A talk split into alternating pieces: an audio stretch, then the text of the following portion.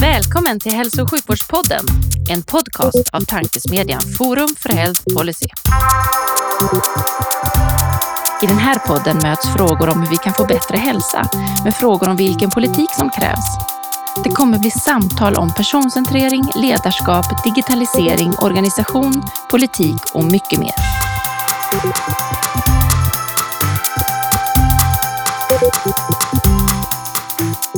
Hej och välkomna till Forum för Health Policys hälso och sjukvårdspodd. Forum för Health Policy är en oberoende tankesmedja som syftar till att driva på innovation och utveckling i hälso och sjukvården och omsorgen.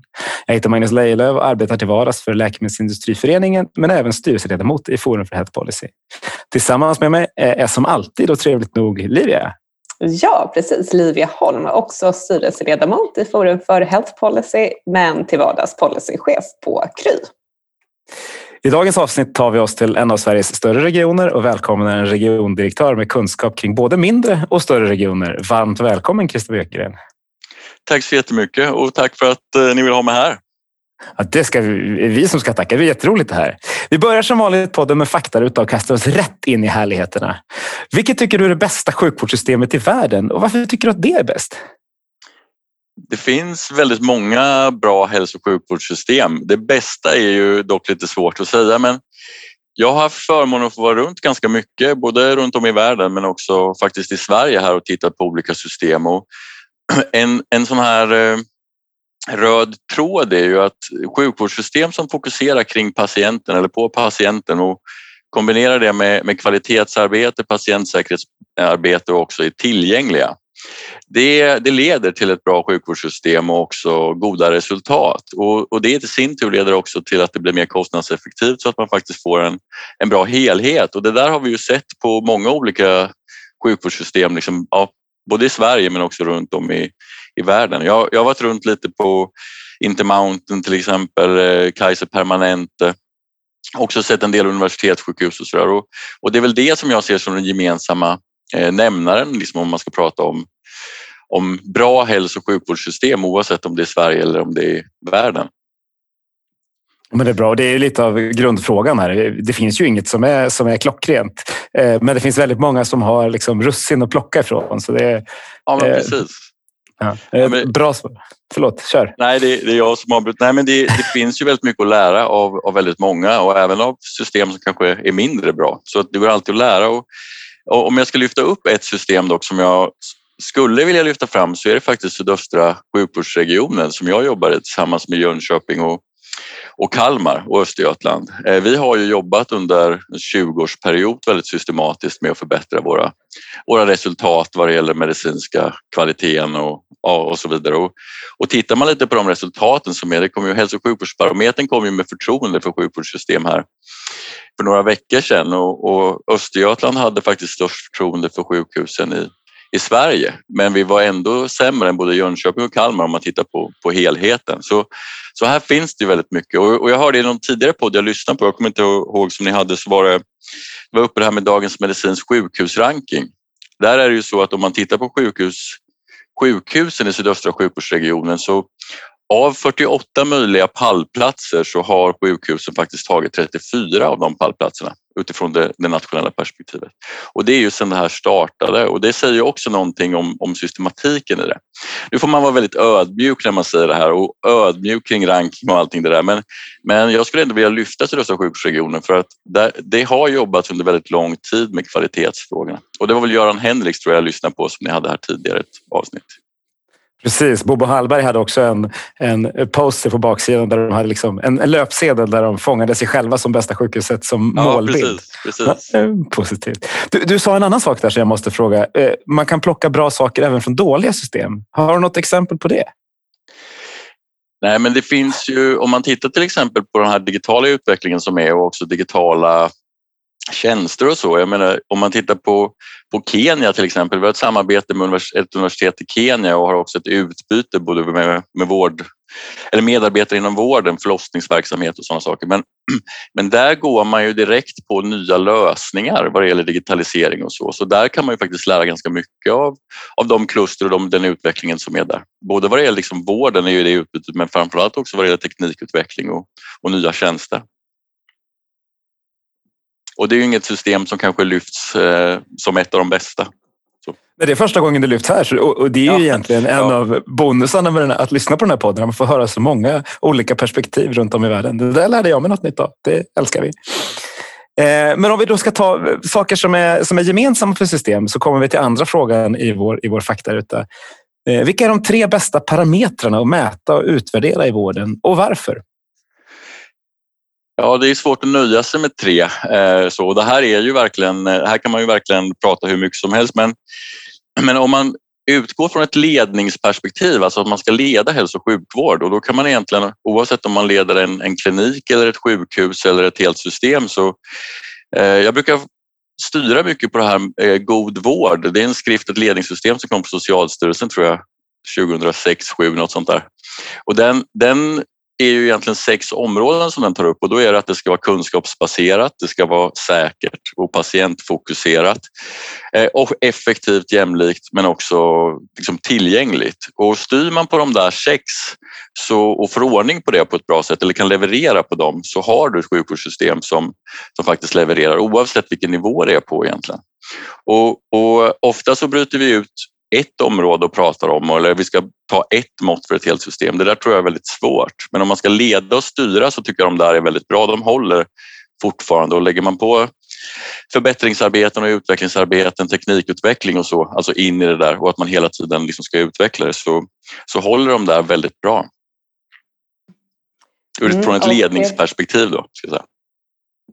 Precis, och det som, som eh, man väl får säga är the million dollar question är hur man får till det där. Eh, så det hoppas jag att vi djupdyker i lite mer sen. Men ehm, utifrån det då, om, om det är, är liksom ledorden att leda efter så att säga. Ehm, nu pågår ju en massa eh, utvecklingsarbete i svensk hälso och sjukvård på olika sätt. Omställningen till god och nära vård, vi ska implementera nya vårdinformationsmiljöer i, i flera regioner. Eh, har du två medskick till de som jobbar med att utveckla svensk hälso och sjukvård nu? Vad ska man tänka på? Jag måste säga det, det känns ju väldigt positivt från flera olika håll vad det gäller just Eh, utveckling av svensk hälso och sjukvård. Dels vad det gäller digitaliseringen så sker det en konsolidering av av eh, vårdjournalsystem där, där det finns egentligen två stora aktörer nu som ska Stockholm Gotland också upphandla. Det gör ju att, att det blir mycket enklare att hantera en del tekniska utvecklingsfrågor.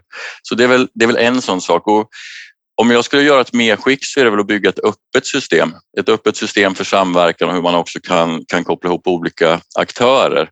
Om det mesta av utvecklingen sker ju utanför den egna organisationen och då är det ju hur kan man dra nytta av det och hur kan man samverka med dem som är bäst på olika saker eller koppla på nyutvecklade tjänster från startupsbolag eller från eh, ja, från mer traditionella eh, företag. Och det där tror jag är en jätteviktig del för att bli, bli framgångsrik och också utveckla vården. Och vi, har ju, vi har ett område som jag kan lyfta bara som ett exempel och det är ju CMIV eller, eller bild, bild och visualiseringsdelen som, som finns i vår verksamhet som är världsledande. De, jag tror de har över 350 olika centra de samverkar med för att upprätthålla och också utveckla och fortsätta vara alltså ledande inom sitt område. Jag tror att det där är jätteviktigt. Ja, det var ett i och för sig kanske, men jag, jag kan i och för sig säga, men jag, jag tycker också en, en, eh, en annan del är väl att ha, ha eh, dels att liksom vara uthållig över tid men också ha fokus på rätt saker. För det är rätt mycket som händer och det är rätt mycket som man kan hoppa på. Men det är ju liksom vad har du för uppdrag och vad är det du ska leverera på och också ha fokus på det. Och det där tror jag är, är viktigt eh, också så att man liksom är uthållig och har fokus på, på det man faktiskt är satt att sköta. På temat fokus då, vad tror du är det viktigaste fokuset att vi inte tappar i svensk hälso och sjukvård när vi arbetar med utvecklingsarbetet nu? Ja, men om man tar just hälso och sjukvård och, och så kan man ta så tror jag att det handlar väldigt mycket, jag tror att kontinuiteten är viktig, alltså hur man bygger kontinuitet och relationer med, med patienter och, och, olika aktörer över tid är en sån viktig sak som, som jag tror är viktig att inte, inte tappa. Sen är det kanske mest viktigt för de som är svårast sjuka och det finns ju andra, andra behov också, men jag, jag tror att det är en sån där viktig, viktig del. Bra där. Eh, den sista frågan i vår faktaruta, det, det vill säga det vi ställer till alla, är, handlar om patienten. Vi vill ju alltid ha med patienten eh, och då funderar vi på vilken är din finaste patientanekdot?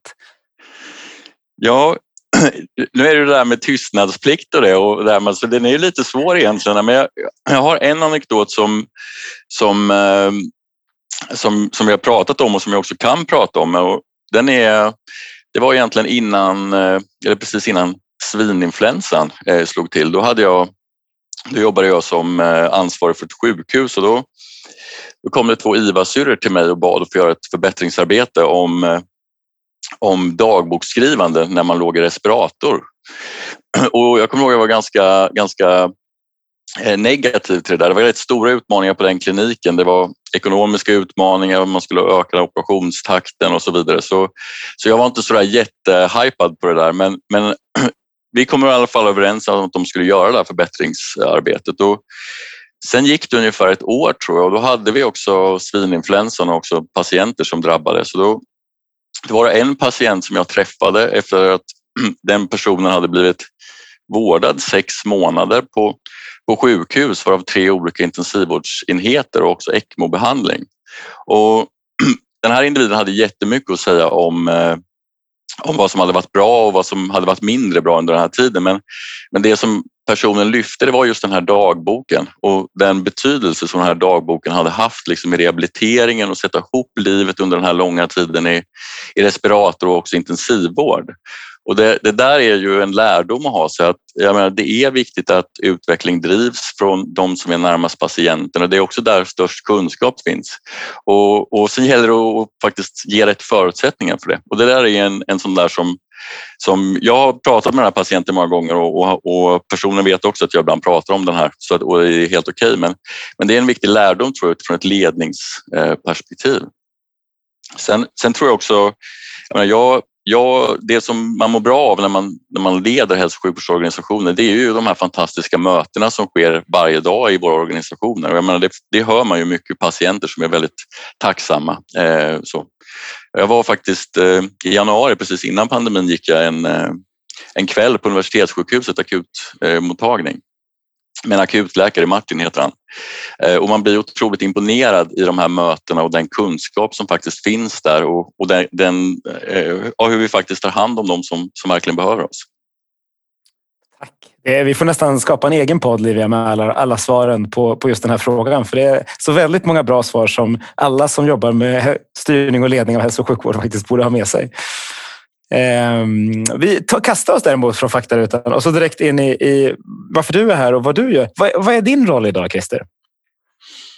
Jag jobbar som regiondirektör i eh, Östergötland och eh, det är faktiskt ett fantastiskt jobb. Det, det som är det mest roliga med det, det är just det här att man får vara med liksom i hela den här samhällsutvecklingen. Jag, jag har egentligen tre ansvarsområden och det är kollektivtrafik och det är regional utveckling och det är hälso och sjukvård. Och om man, om man bara tänker på vad det innefattar, jag menar kollektivtrafiken så är man i det här med, med batteridrift nu, man är i självkörande bussar, stadsplanering och de sakerna. Eh, tar man regional utveckling så handlar det om Ostlänken som är ganska, ganska het nu, hur det ska bli, bli med den. Eh, men också hur man faktiskt eh, bygger och utvecklar liksom livsmiljön, företagande och de delarna. Så det är också otroligt givande. Och sen är det hälso och sjukvården då. Där är det ju allt från, från omvårdnadsmötet med, med den enskilda patienten tills faktiskt AI-utveckling och, och forskning och andra delar. Så att det är väl det som är är min roll att se till att facilitera det där och att det också blir utveckling och drivs framåt. Och det, det känns fantastiskt kul att få, få vara med om faktiskt. Det förstår man. Det är ett eh, stort och eh, brett uppdrag med, med ett enormt ansvar. Vad, vad har du gjort för att hamna där? Så att säga? Vad har du gjort tidigare som har kvalificerat dig för det här uppdraget? Ja, så lite som möjligt, jag på att säga. men riktigt så är det ju inte. Nej, men, nej, men det, det handlar hela tiden om att ha, ha rätt eh, rätt medarbetare och rätt folk som kan de här sakerna. Själv så kan man ju egentligen inte så jättemycket om, om något om man ska vara helt ärlig. Utan det handlar ju om hur man kan facilitera och skapa förutsättningar väldigt mycket. Eh, jag, har, jag har tidigare jobbat, eh, jobbat eh, i samma position i, i eh, Kalmar eh, och gjort det. Jag har också varit utvecklingsdirektör och forskningsansvarig eh, i Kalmar tidigare. Jag har jobbat som eh, ansvarig för ett sjukhus, Västerviks sjukhus eh, också. Eh, jag har jobbat som chef på hälso och sjukvårdsavdelningen i Jönköping och sen har jag jobbat ja, i den här sydöstra sjukvårdsregionen innan det som ja, projektledare kan man säga för olika saker. Så att jag har jobbat kanske 20 år i sydöstra sjukvårdsregionen i både Kalmar, Jönköping och, och Östergötland. Det är väl i stora drag min, min bakgrund. Men vad, och vad, vad, har du eh, läst på universitetet? Och Jag är lite nyfiken för det låter som du har kommit in på nästan ett bananskal. Nej, men jag, man kan väl säga att egentligen så började jag gjorde jag gjorde lumpen som eh, eh, plutonssjukvårdare för väldigt länge sedan och, eh, och fick också eh, en, en, bra utbildning där, både katastrofmedicin också, men också inom, inom hälso och sjukvård. Och sen gick jag vidare lite när jag jobbade på Karolinska eh, precis efter lumpen. Det är så länge sedan nu som man, det är nästan så. Och jag dök mycket på den tiden så jag jobbade en tryckkammare där eller var kopplad till. Så, så, och på den vägen ner och sen pluggade jag, pluggade jag ekonomi på Handels i Göteborg. Eh, och, men då var inriktningen väldigt mycket på det jag gjorde där mot hälso och sjukvård och, och sen på den vägen ner. Och så sökte jag mig däråt sen när, när, när jag hade pluggat klart. Ja, men kul. Så om man vill bli regiondirektör ska man dyka mycket och göra lumpen. Det låter som en klockren bakgrund. Nej, men det är väl så för alla. Det är mycket slump i och för sig vad man tycker är roligt, eh, så som styr olika saker. Precis. Vad är det som är rolig, mest, roligast och mest utmanande i den roll du har idag? Då? Nej, men det roligaste är alla de här möten, eh, mötena som, som sker varje dag. Jag menar, Mm, det är väldigt roligt att vara med i den utveckling som det är. Det, det känns också fantastiskt att få vara med och förbättra saker för, för våra invånare men, men, eh, men också för patienter. Och jag menar, blir du sjuk så är ju hälso och sjukvård kanske den viktigaste, eller den absolut viktigaste tjänsten som, som man behöver. Eh, om man inte är sjuk så kanske man inte alltid tycker så, men, men när man väl blir det så, så är det, och det känns fantastiskt att få vara med och faktiskt göra, göra bra saker eh, inom de områdena. Och jag menar samhällsutveckling är ju också jätteviktigt, hållbarhetsfrågorna och de här, så, så det, det är väldigt roligt. Men, men det absolut roligaste det är just det här med, med människor och de, de mötena som man har. Sen kan man väl säga att ut, utmaningen ligger ju där också. Det är otroligt många intressenter som är med och styr och, och också har åsikter om hur saker och ting ska vara. Jag menar om man tittar på det politiska så så de som leder styr ju verksamheten och pekar ut riktningen vart vi ska men det är ju Ja, ibland så är det 49 procent som inte riktigt vill att det ska gå lika bra. Eh, och det är klart att där finns det ju en spänning men som också är väldigt, väldigt eh, stimulerande. Sen har du alla fackförbund som driver sina frågor. Du har, du har patientföreningar som driver frågor. Eh, du har tankesmedjor som, som också har, har eh, olika inriktningar och det gör ju att, att det finns eh, det finns väldigt många åsikter och väldigt många saker att ta, ta hänsyn till. Och det gäller ju i allt det här att hela tiden ha fokus på, ja, på patienten eller invånarna att göra rätt saker utifrån från de beslut som tas. Så det är väl också det som är mest utmanande, fast väldigt roligt också. Mm. Och det är som sagt det är en stor och, och komplex organisation att, att röra sig inom och leda framåt, tänker jag.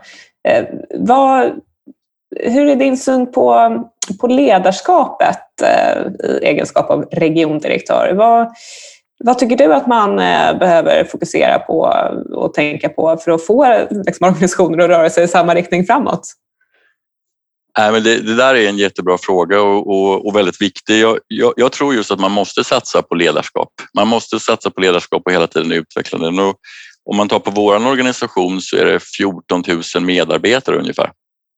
Eh, lite drygt faktiskt. Så, och ska man få det åt samma håll och att det ska röra sig rätt så, så krävs det ett väldigt gott ledarskap. Men, men också en stor öppenhet eh, i hur man, man leder och att man också kan eh, jobba på ett öppet sätt. Jag menar, I våran typ av organisationer så sitter ju kunskapen längst ut. Jag menar, ju, ju, högre upp du kommer i organisationen desto mindre kunskap om man ska hårdra det. Eh, och det där är också viktigt att man faktiskt också då har förutsättningar längst ut i organisationen, ta beslut och, och klara av och, och uh, hantera svåra situationer. Och då måste man styra och leda på, Eh, mycket mer med inriktningar och mål och vart man ska snarare än regler och riktlinjer och sådana saker. Och det där, då måste man jobba med ledarskap som, som gör det möjligt att skapa de förutsättningarna. Så det, det, jag tror att alla måste jobba med ledarskap eh, på, på, ett, på ett tydligt sätt. Sunt svar höll jag på att säga, men det, det, det, tror vi också. En, en fråga vad det gäller ledarskap som, som kommer upp titt som tätt är olika professioners vilja att de ska själva vara, vara ledare i, inom vården. Hur ser du på liksom, vikten av läkare som, som chefer eller vikten på eh, sköterskor som chefer och så? Eh, nej men jag tror att, att både sköterskor och läkare har, väldigt bra grunder för att leda hälso och sjukvård. Jag menar, det finns en förtroendedel där och, och har, man, har man de bakgrunderna så tror jag, jag tror att det är de bästa bakgrunderna för att leda hälso och sjukvård. Alltså att man har en vårdprofession och att man också utvecklas från den. Jag tror att i grund och botten att det är, det är rätt. Sen, sen är det så att, att eh, en bra ledare och de egenskaperna som krävs, det handlar ju inte om vilken utbildning man har eller, eller liksom vilken profession man har utan det är ju andra egenskaper kanske. Men, men det är verkligen en bra grundplattform eh, där.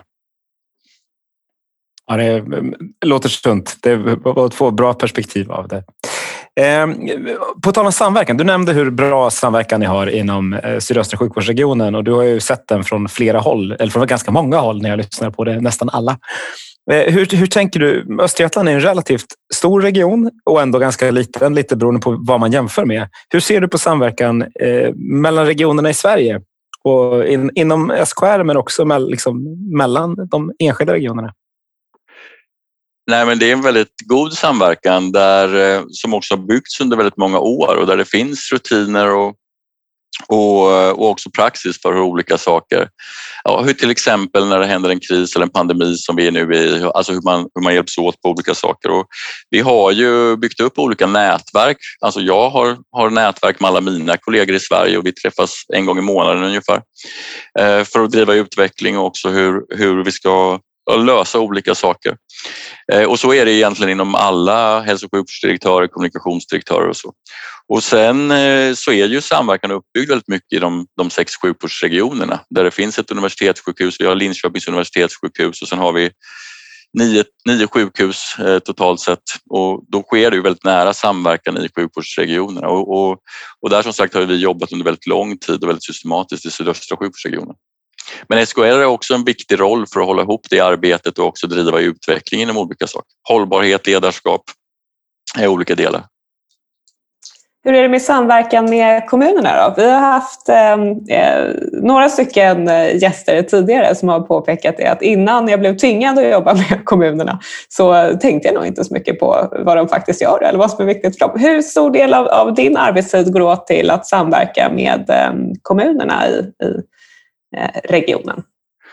Väldigt stor tid. Det är, det är en av de områdena som vi prioriterar och, och egentligen alltid har prioriterat i Östergötland. Eh, och det finns en, en stor organisation uppbyggd kring just hur den samverkan ska ske. Eh, och där får man ju också lyfta in Länsstyrelsen och landshövdingen och, och den rollen som, som finns där. Jag skulle säga att vi har ett väldigt bra samarbete i, i Östergötland och jag jag tillsammans med, med, min regionala utvecklingsdirektör har, har ett forum där vi träffar alla kommundirektörer. Eh, så. Och sen har vi ett annat forum där vi träffar kommundirektörerna och landshövdingen. Och så har vi ett mötesforum där vi träffas politiskt sett, så alla kommunpolitiker och också tjänstemän.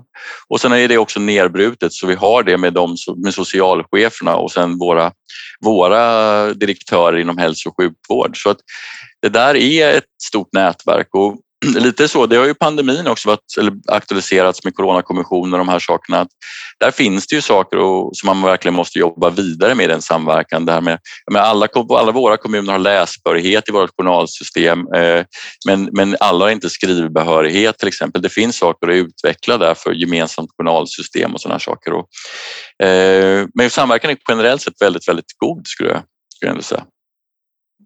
Sen är det alltid utmaningar. Jag menar, vi har alltid ekonomiska utmaningar, vi har ansvarsgränser som flyttas och så där. Så det är ju inte så att allt bara är bra utan det är också lite spänst i de där ibland. Men, men det ska det ju också vara. Mm. Om vi stannar där, du nämnde eh, journalsystem som en, en del i samverkan mellan kommun och, och region och att ni det verkar som att ni ändå har kommit en bit på vägen där i Region Östergötland. Men hur ser du på utvecklingen kring journalsystem i Sverige i stort? Är, är de anpassade till eh, den här till exempel nära vårdomställningen? Ehm, och hur fungerar samverkan mellan regionerna vad gäller utvecklingen av journalsystemen? Det är samma leverantörer, men finns förutsättningar för den här konsolideringen av vårt, vårdinformationsmiljöerna som du nämnde i början? Ja, men det, det sker en konsolidering där, där vi har gått från väldigt många där det faktiskt, nu är det ju, är det ju två faktiskt eh, journalsystem som, som finns i Sverige och sen ska man upphandla Stockholm, Stockholm Gotland också. Så där finns det faktiskt goda förutsättningar vad gäller just den delen och faktiskt jobba på ett annat sätt med det. Jag, jag har ju förmånen att sitta med i den här e-hälsa 2025 eh, sedan starten och där kan man ju också säga att, att just den här systematiken som har jobbats med där med med eh, ja, standarder, regelverk och, och, hela tiden försöka harmonisera det. Det, det börjar ju också ge eh, goda resultat. Eller det, har kommit, det har faktiskt verkligen blivit, blivit bra sista tiden. Så jag ser väldigt positivt eh, om man tittar framåt de, de närmaste åren. Jag tror det kommer hända mycket och att vi faktiskt kommer kunna flytta fram stegen ganska mycket där. Eh, det är i alla fall min förhoppning och det känns liksom som det händer mycket, mycket där. Men, men det är klart att det är mycket som eh, skulle kunna vara bättre och ibland kan man ju ställa sig frågan varför vi inte är längre i de här frågorna. Ser du, du, du, nämnde, eh, bara för att fortsätta lite på, på det området som jag tycker är väldigt spännande, som jobbar för, för eh, en, en digitalt driven vårdgivare. Ser, du nämnde i början lite en vision om att vi behöver ha Eh, öpp, mer öppna system som kan samverka med, med fler eh, innovativa företag utanför så att säga, vårdsektorn också, nya startups eller, eller större bolag som arbetar med, eh, med nya lösningar och koppla dem till journalsystemen. Eh, känner du nu med, med de nya systemen som kommer in, finns det förutsättningar för det? Kommer information kunna flöda på, på ett bra sätt eh, för, för patienter eller är informationen fortfarande samlad i Östergötland och Kalmar eh, separat eh, de kommande fem åren? Nej, men vi, om jag tar Östergötland, så vi försöker ju bygga en öppenhet i systemet med, med öppna API och så att man kan koppla på olika nya lösningar och tjänster och sådana saker och att man också kan hitta nya samarbeten. Och jag menar, vi, vi lanserade här för, för någon vecka sedan bara hur man kan koppla upp sig från Valdemarsviks eh, vårdcentral mot kardiologen på Brinnevisjukhuset i Norrköping. Eh, hela, och, och vad det gäller hjärtsviktspatienter. Men det är klart att det är ju privata initiativ och lösningar som är med och gör det möjligt. Så att jag menar, det är ju en gemensam utveckling man måste, måste ha där och då, då kan man inte bygga in sig i egna lösningar och egna eget system. Sen, sen, kan man ju säga att, att det är också lite, jag, jag var faktiskt eh, jag var faktiskt och träffade Josefin och någon mer på Kry 2014-2015 just för att försöka hitta ett samarbete. 2015 tror jag det var, någon liten lägenhet bakom Stureplan tror jag. Ja, precis. Det var vårt första kontor där. ja, ja men, precis. Men, men då är det ju också så att jag menar, Eh, Eh, och anledningen varför inte det byggdes vidare tror jag, det var ju för att det fanns lite olika affärsmodeller. Alltså det jag var ute efter var ju kanske att hitta någon abonnemangslösning där man kunde få kontinuitet för de som var mest sjuka. Men affärsmodellen som ni hade då, eller just då i alla fall, det var ju att försöka att, ja, men att få eh, volym i besök eh, så, utifrån de samtalen vi hade där. Och då är det också lite så här, då måste man också kunna gifta ihop det på rätt sätt för att det också ska bli, bli bra. Så att även att systemen funkar så måste man ju också ha liksom, mötas i affärsmodeller eller i, i verksamhetsidéer för att det där ska kunna bli möjligt tror jag på, på olika sätt. Men, men eh, jag tror att vi, jag menar, återigen, så den, mycket av utvecklingen som sker och som är positiv, den sker utanför våran organisation och då måste man ju liksom ta in den och också se till att den blir rätt och att, att, att man hittar liksom platsen för, för hur, hur alla de här sakerna ska vara. Och det där, är, det där är vi ju en väldigt spännande tid men också svår tid. Och där kan man väl säga att de, de här gamla systemen som är uppbyggda under 20, 30, 40 år som, som riksprislistan till exempel som bygger på självkostnadspris och där regionerna eh, garanterar det. Jag menar, det är klart att används den utifrån ett privat perspektiv så är det klart, då får man in andra aktörer och, och då måste man också anpassa systemen så att de fungerar liksom utifrån hur marknaden och så ser ut. Så, och det där är ju en jätteutmaning i den, den tidsålder eh, vi är just i just nu. Eh, så det kommer säkert vara väldigt bökigt innan det hittar sina former.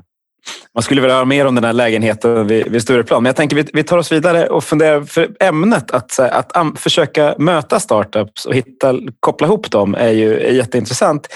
Ett område som, som måste komma är ju prevention.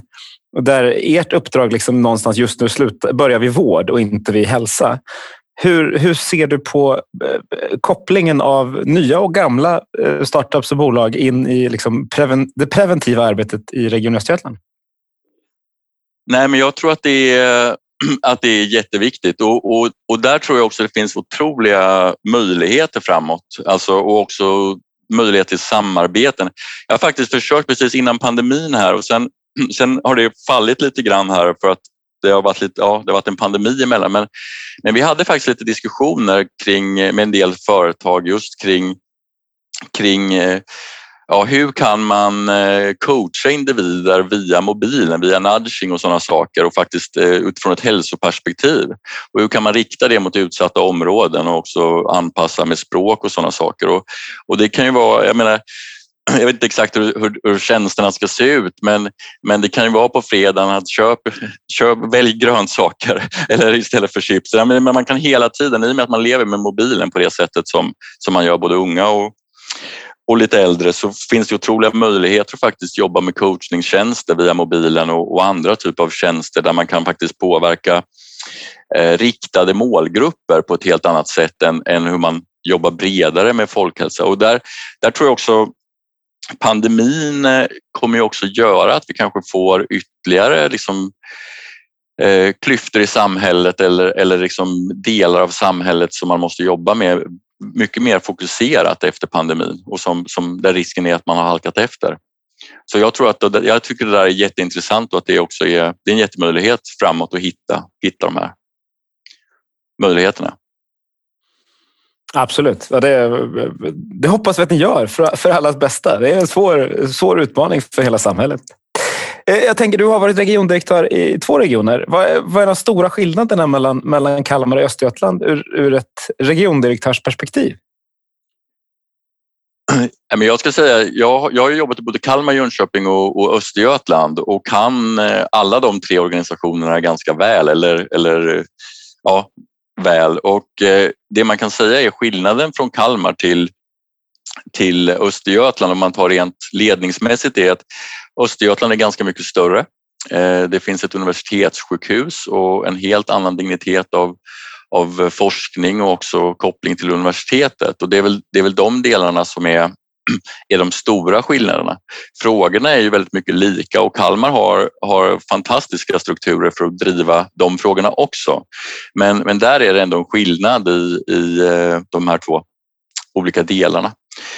Eh, så det kan man säga är den, den stora. Annars så är det ju, jag menar, vart vi ska och ambitionsmässigt och så, både Kalmar och Östergötland och Jönköping har väldigt höga ambitioner och där, där är det också Eh, det är klart att det skiljer sig såklart emellan, mellan de tre, men, men där har man jobbat tillsammans, eller vi har jobbat tillsammans under väldigt lång tid, så det finns också liknande mål, målvärden vad det gäller medicinsk kvalitet, tillgänglighet, patientsäkerhet. Så. Absolut. Om man tittar på, du har dessutom haft rollen i Kalmar som utvecklingsdirektör. Eh, om man tittar på forskning och utveckling i en, en region med ett eh, universitetssjukhus eh, och en region utan universitetssjukhus, men som är en del av en sjukvårdsregion. Hur ser du på skillnaderna och möjligheterna där? Och vad tycker du är nycklarna för att vi ska bli bäst i världen på forskning och utveckling i sydöstra sjukvårdsregionen? Nej, men Nej, men det är, om, om man tittar på forskningssidan så är den uppbyggd också utifrån ett nätverk i sydöstra sjukvårdsregionen. Det leds ju av de tre forskningsdirektörerna i Jönköping, Kalmar och Östergötland och sen jobbar de emot olika kompetenscentra. Jag menar, vi har precis etablerat en life science-nod i Sweden Medtech eh, och där är både Jönköping och Kalmar och Östergötland med i den och då, då är det lite olika Eh, delar man har inne. Jönköping har mycket utifrån förbättringskunskap, Kalmar utifrån e-hälsoperspektivet. Eh, och vi kanske har lite mer utifrån medtech-delen. Och sen så jobbar vi tillsammans kring de sakerna. Och där, har, där finns det ju både styrkor och svagheter hos oss alla tre. Och då försöker vi bygga på de här klustren och det, det vi är bra på och sen göra det tillsammans på ett bra sätt. Så att det är väldigt välutbyggt där också. Och sen, sen är ju vi ihopkopplade med jag, menar, jag, sa, jag nämnde CMIV här med 350 olika aktörer runt om i världen men, men vi är också ihopkopplade med Life Science-kontoret i Stockholm utifrån också de andra, andra sjukvårdsregionerna. Så att vi kopplar också upp kluster där det finns Eh, olika kompetenser som, som eh, ja, behöver kopplas ihop och det gör, ju, det gör ju via olika forskare i olika delar oftast. Du nämnde ju Genomic Medicine Sweden som är också en sån här viktig, viktig nationell satsning och, och här handlar det ju kanske inte om, om, om Östergötland ska bli bäst. Det handlar ju om, om hur vi som nation faktiskt ska bli ledande och också kunna flytta fram positionerna. Både vad det gäller liksom hela life science-området men också GMS och, och andra delar. Mm, vi, precis innan eh, vi satte igång inspelningen av podden här så pratade vi lite framtid eh, och eh, lärdomar från pandemin. Jag tänkte fortsätta lite på, på det spåret eller leda oss in mer ditåt. Och någonting som är en, ett vanligt ord som vi slänger oss med när vi pratar framtiden, det är ju digitalisering. Eh, och du nämnde eh, medtech som ett viktigt område i Region Östergötland, men eh, vad betyder digitalisering för dig på ett lite mer så här, filosofiskt eller övergripande plan? Vad ramar in det arbetet för dig? Eh, nej men digitalisering, jag, jag, ser det som ett verktyg för att kunna ja, effektivisera, utveckla och modernisera verksamheten oavsett liksom vilket område det är egentligen. Och och lite om man, om man går tillbaka lite och tänker att, jag menar, vi har pratat om det här demografiska gapet. Vi blir ju flera i Sverige och vi blir också flera som blir äldre. Och samtidigt om man tittar liksom i prognoser framåt så hänger inte skatteunderlaget med på riktigt samma sätt och heller inte arbetskraften, det är liksom antalet personer som kan jobba i olika sektorer. Och det, och det där gör ju att vi måste hela tiden effektivisera och hitta nya arbetssätt och där ser jag digitalisering som ett, ett självklart verktyg för att faktiskt bidra till det och jobba smartare och också flytta fram eh, av positionerna för att fortsätta vara framgångsrika vad det gäller hälso och sjukvård. Och om, man, om man tittar innan pandemin så var vi redan inne i det där. Jag menar, vi hade utmaningar i hela Sverige vad det gäller bemanna slutenvården och ha rätt antalet vårdplatser och så, så att vi hade ju en, en, ganska, en ganska tuff eh, situation faktiskt sista åren innan pandemin här inne, inom slutenvården i många delar av, av Sverige. Så det ser jag är en sån där eh, viktig del. Sen, Sen är det också viktigt att säga det att det måste ju också bygga på att det är evidensbaserat då, det man utvecklar och att man liksom följer hälso och sjukvårdslagen och, och liksom, ja, medicinsk praxis, praxis vad det gäller, vad det gäller de, de delarna. Men, men där finns det ju stora möjligheter. Så det är väl lite så övergripande. Ja, och jag vet eh, Magnus eh, innan som sagt podden här eh, spanade lite kring hur svensk sjukvård ser ut 2030. Vad, vad är din bild. Hur tror du att, eh, att vården kommer att se ut 2030? Ser vi några större förändringar? Ja, men jag tror att det kommer vara, alltså, av de här 9-10 åren fram dit tror jag kommer vara väldigt spännande. Jag menar, vi, vi startade faktiskt i våg ett av pandemin här så startade vi samtidigt en framtidsgrupp så vi, vi har haft ett, försökt att haft ett strukturerat arbetssätt just med hur ser det ut efter pandemin och, och vad, vad måste vi jobba med nu för att vara framgångsrika efter själva pandemin. Så, och då har vi tittat på allt liksom från från kontorslokaler kring hur vi bedriver vård på, på olika sätt eller samverka med, med kommuner och andra aktörer. Så, så jag tror att det är viktigt att, att, att tänka kring de frågorna hela tiden. Sen, sen är det svårt att veta hur det faktiskt kommer att bli men, men jag tror att det kommer att bli en ganska stor debatt här efter pandemin om hur ska hälso och sjukvård styras? Vem är ansvarig för vilka delar och, och hur kan vi göra liksom systemet mycket mer robust och, och, också bättre framåt. Och det där tror jag är en debatt och så får man väl se lite var, var olika saker landar där och hur det utvecklas. Men, men jag är positiv. Jag, jag tror att det kommer att vi kommer vara ännu bättre än vad vi är idag och vi kommer ha flyttat fram positionerna vad det gäller precisionsmedicin är ju en sån sak som, som jag hoppas väldigt mycket på. Det kan man väl säga att där skulle man ju vilja se en mer nationell kraftsamling. Jag tycker Life Science-kontoret gör ett jättebra drag, eller jobb där men, men, men tittar man på finansiering i andra länder kontra till vad vi vet om det och, och måste committa oss till så, så är det ju utmaningar kan man säga. Eh, men jag tror att vi kommer att landa den och att det kommer att bli bra och det jättespännande utveckling med beslutsstöd för olika delar, AI-utveckling också. Eh, framförallt inom bildbehandling och, och diagnostik och så. så att jag tror att det, det kommer hända väldigt mycket och där man också kanske flyttar fokus från det sjuka till det förebyggande och vad vi faktiskt kan se i förväg och, och jobba med. Så att jag ser väldigt positivt på det men det kommer nog vara några spännande år med mycket, mycket diskussioner tror jag. Oj, det var ett svar som gav många följdfrågor. Eh, vi väntar med AI och medtech då, så tar vi det strax. Men när du står i den där debatten och, och får frågan, vem ska styra och leda svensk hälso och sjukvård framöver? Vad, vad svarar du då? Nej, men det är inte jag som ska svara på det. Jag menar, vad, vad det handlar om för där jag befinner mig, det är ju att leda den organisationen jag har satt och leda på absolut bästa sätt och följa de politiska beslut och det som har tagit på absolut bästa sätt. Men, men jag tänker efter efter de, den debatten som har varit nationellt kring hälso och sjukvården så tror jag att det kommer att vara mycket diskussioner kring och se. Och, menar, innan, innan pandemin här så hade vi också en diskussion kring civilt försvar och totalförsvaret och hur det ska se ut och hur vi också ska bygga en robusthet som, som nation. Och, och jag tror de där frågorna är, kommer det nog bli mycket diskussioner och, och arbete kring. Men det är inte min fråga att, att, att säga. Men du ställde det så bra så jag tänkte jag var, var tvungen att skicka den tillbaka. Ja. när, Marie Mor- ja, när Marie Morell eh, pratar om Östergötland, vilket hon gör ganska ofta och lyfter det på ett bra sätt, så nämner hon väldigt ofta att eh, ni är medtech-tunga och duktiga på medtech. Hur, han, hur använder ni det i, ur ditt perspektiv i, i Region Östergötland? Att ni just har en, en eh, duktig medtech-industri i stan? Eller regionen, förlåt. Nej, men eh, det, det stämmer och, och, så är det verkligen. Jag menar, om man tittar inom, inom läkemedelsområdet så vi har ingen, ingen tung läkemedelsindustri och har inte den traditionen. Däremot så har vi det vad det gäller medtech och där har vi en del andra stora företag som Saab till exempel och, eh, och andra företag som, som också har bidragit till det. Universitetet också med den, den eh, profil som finns, också kompetens, eh, forskningsområden. Eh, det gör ju att vi har många medtech-företag och de är ju också väldigt involverade i olika samarbetsprojekt eh, tillsammans med med oss och, och universitetet och det har också lett till att det är väldigt många eh, startups eh, vad det gäller just den här, den här sektorn hos oss.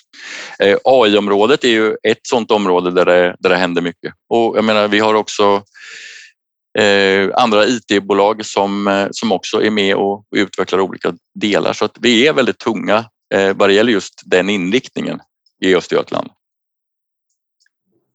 Mm. Eh, du nämner när vi pratar framtid eh, svensk vård eh, 2030 AI som en viktig del i det med massa olika appliceringsområden säkerligen. Du nämner också vikten av att styra mot kontinuitet och att vi behöver eh, liksom, vrida oss mer mot, mot det preventiva arbetet och så vidare.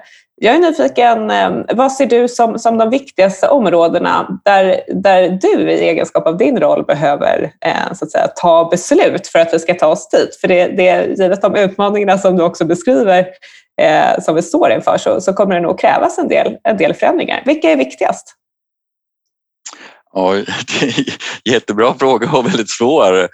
Nej, men det, det, och det handlar egentligen inte om de besluten jag tar tror jag, utan jag tror att det handlar om hur man hur man eh, politiskt eh, ser att man ska lösa de, de utmaningar som finns inom just de här områdena. Och där, det är på något sätt där man väljer väg och att man också politiskt måste linjera ut liksom, vart ska vi och vart ser det här ut? Och, och min roll blir mer sen att och ge, ja, såklart vara med i den diskussionen och, och också skapa underlag och så. Men, men min, min uppdrag är mer att utföra det eh, sen. Och, och jag tror att i den miljön som man är nu, där det händer väldigt mycket och där det också Eh, jag menar, en sån sak som, som eh, jag tror är viktigt att ha med sig vad det gäller ledning och styrning är ju, det är just det här med att vi leder ju väldigt mycket enligt en budget och sen har vi en treårsbudget och så levde vi väldigt mycket på sista eller på för, eller det närmaste året.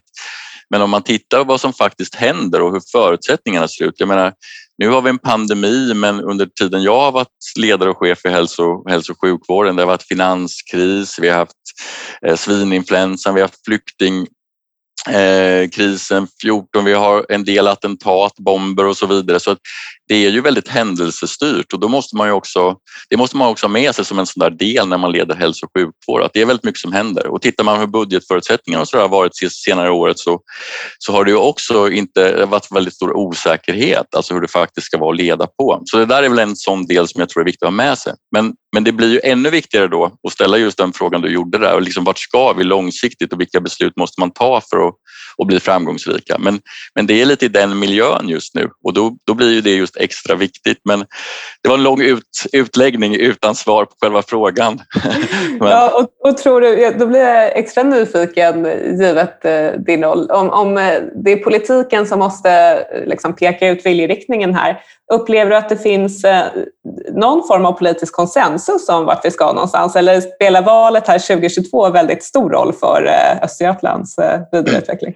Nej, jag känner att det finns en professionalitet där och att man jobbar mycket. Jag menar, Marie Morell är ju, sitter i opposition i Östergötland och vi har en, en koalition med Kajsa Karro som styrelseordförande som, som, som leder regionen. Jag känner att de stora dragen här är man ju ganska överens om. Jag menar mot, man ska gå mot nära vård, vi har nämnt digitalisering, vi har också nämnt utveckling av life science-området och olika delar. Så det finns ju en grundsyn i mycket av de, de delarna. Sen är det ju Eh, så man är inte alltid överens om hur det ska, ska gå till eller hur, hur man ska göra det. Men, men där känner jag mig ändå trygg. Jag tycker det finns en professionalitet och en seriositet där man, där man tittar framåt och försöker göra rätt saker. Vi har nämnt pandemin några gånger eh, och det är svårt att inte göra det eftersom vi sitter mitt, mitt i en, en, en pandemi. Hur, vad ser du när vi kommer ut ur den här? Eller kanske redan nu? Vad, vilka lärdomar har, har du lärt dig eller ni lärt er som organisation? Och hur, hur tänker du ta med det till framtiden? Nej, men det finns jättemycket, eller vi har lärt oss jättemycket och gör ju det egentligen hela tiden. Det, det, och, och jag tror att det som eh, är viktigt eh, att ha med sig det är just det här att man får aldrig slarva med de här bassakerna. Man måste ha koll på på robustheten i, det man, i den organisationen man leder. Och där, där har vi ju sett att där har det ju funnits vissa brister och det där tror jag att man måste jobba med eh, ännu mer strategiskt och det tycker jag vi har gjort i och för sig genom åren. Eh, så, men där, där, det är en viktig del. Sen, sen är det så att jag menar det otroliga jobb som medarbetare och ledare i vår organisation har gjort under den här pandemin är helt enormt. Jag, menar, jag, jag ser inte att det finns något som vi inte kan klara om vi kopplar upp ärmarna och faktiskt eh, kommer överens om att göra det. Jag menar, man har byggt om, eh, fördubblat intensivvårdskapaciteten. Jag tror det tog två veckor eh, att göra det. Man, man har gått från eh, och 3D-printa olika skyddsutrustning till att det har varit i drift på företag på, på liksom en vecka, tio dagar. Jag menar, det är helt otroliga eh, kraftsamlingar som är gjort kring vissa om, områden. Och, och, ehm, så, så jag känner mig väldigt trygg i att vi faktiskt klarar väldigt mycket mer eh, än vad vi än vad vi egentligen tror att vi kan eh, och att vi också klarar att göra det med, med bibehållen kvalitet eller med, med stor del bibehållen kvalitet också Eh, på rätt sätt. Så, så det känns fantastiskt. Sen, sen är det ju också det här med omställning. Man kan, det man kan ställa sig frågan är digitalisering. Vi ser ju hur, hur det har exploderat med digitala besök liksom i, både på, på privata sidan men också i, i våra egna organisationer hur vi använt det. Och det. Den omställningen gick ju väldigt, väldigt snabbt liksom när, i den här situationen och det kan man ju det är ju annars en utveckling som ibland har gått, man har tyckt gått lite långsamt. Så det finns ju en del sådana ledarskaps Eh, lärdomar också att dra eller försöka att dra i alla fall efter. Så det är väldigt mycket positivt i det. Sen, sen får man inte glömma, det är ett stort allvar i det här. Jag menar, det, en pandemi är ett stort allvar i det och det gäller att ta det på största, största allvar. Ja, just det här med förmågan till, till omställning och hitta nya arbetssätt och, och lösningar i en, en pressad situation är ju någonting som, som lyfts i många sammanhang nu. Ehm, och mitt i allt det här allvarsamma så pågår ju en massa innovationsarbete. Ehm, en fråga som vi brukar ställa i den här podden det är vad tror du är årets innovation i svensk hälso och sjukvård när det här året är slut? Nej, men det är väl den där appen som jobbar med nudging då mot, mot eh, folkhälsa och, och riktat folkhälsa. Det är väl det. Nej, Eh, jag vet faktiskt inte, men, men det är ju det är väldigt spännande för det är väldigt många företag och också inom egna verksamheterna som det händer väldigt mycket eh, positiva saker eh, och det är ju, jag menar, Sverige som land är ju fantastiskt där om man tittar på utvecklingen i, i, i olika branscher. Så eh, jag kan inte säga exakt vad det skulle vara, men jag får säga den där, den där nudging appen då vad det gäller folkhälsa. Sen det, det man kan eh, prata om lite och som man är, jag menar, tittar man på, det är ju olika aktörer som också kommer in på inom hälso och sjukvården. Jag menar, ICA driver ju nu både både sjukvård eh, digitalt och apotek. Eh, men, också, men där har man ju också eh, annan verksamhet som bank och försäkring och sådana saker. Och här finns det ju också jättespännande saker eh, av vad, vad kan hända utifrån alla de här koncepten som, som växer fram och vad kan det bli av det? Det kan ju eh, faktiskt förändra och, och utmana ganska, ganska mycket i olika delar tror jag. Så det är också spännande. Och sen är det ju som ni sa, jag menar det här med jag tror ju väldigt mycket på det här med precisionsmedicin men också utveckling av, av olika beslutsstöd och det här. Det kommer ju också eh, hända väldigt mycket och, och, ganska snabbt tror jag. Ja verkligen, det var ju bra, bra förslag på innovationer året är slut. Vi hoppas på allihopa på något sätt i någon, någon samklang där. Eh, något annat som eh, eh, börjar, inte när året är slut, men lite innan, eh, eh, upptakten inför valet nästa år.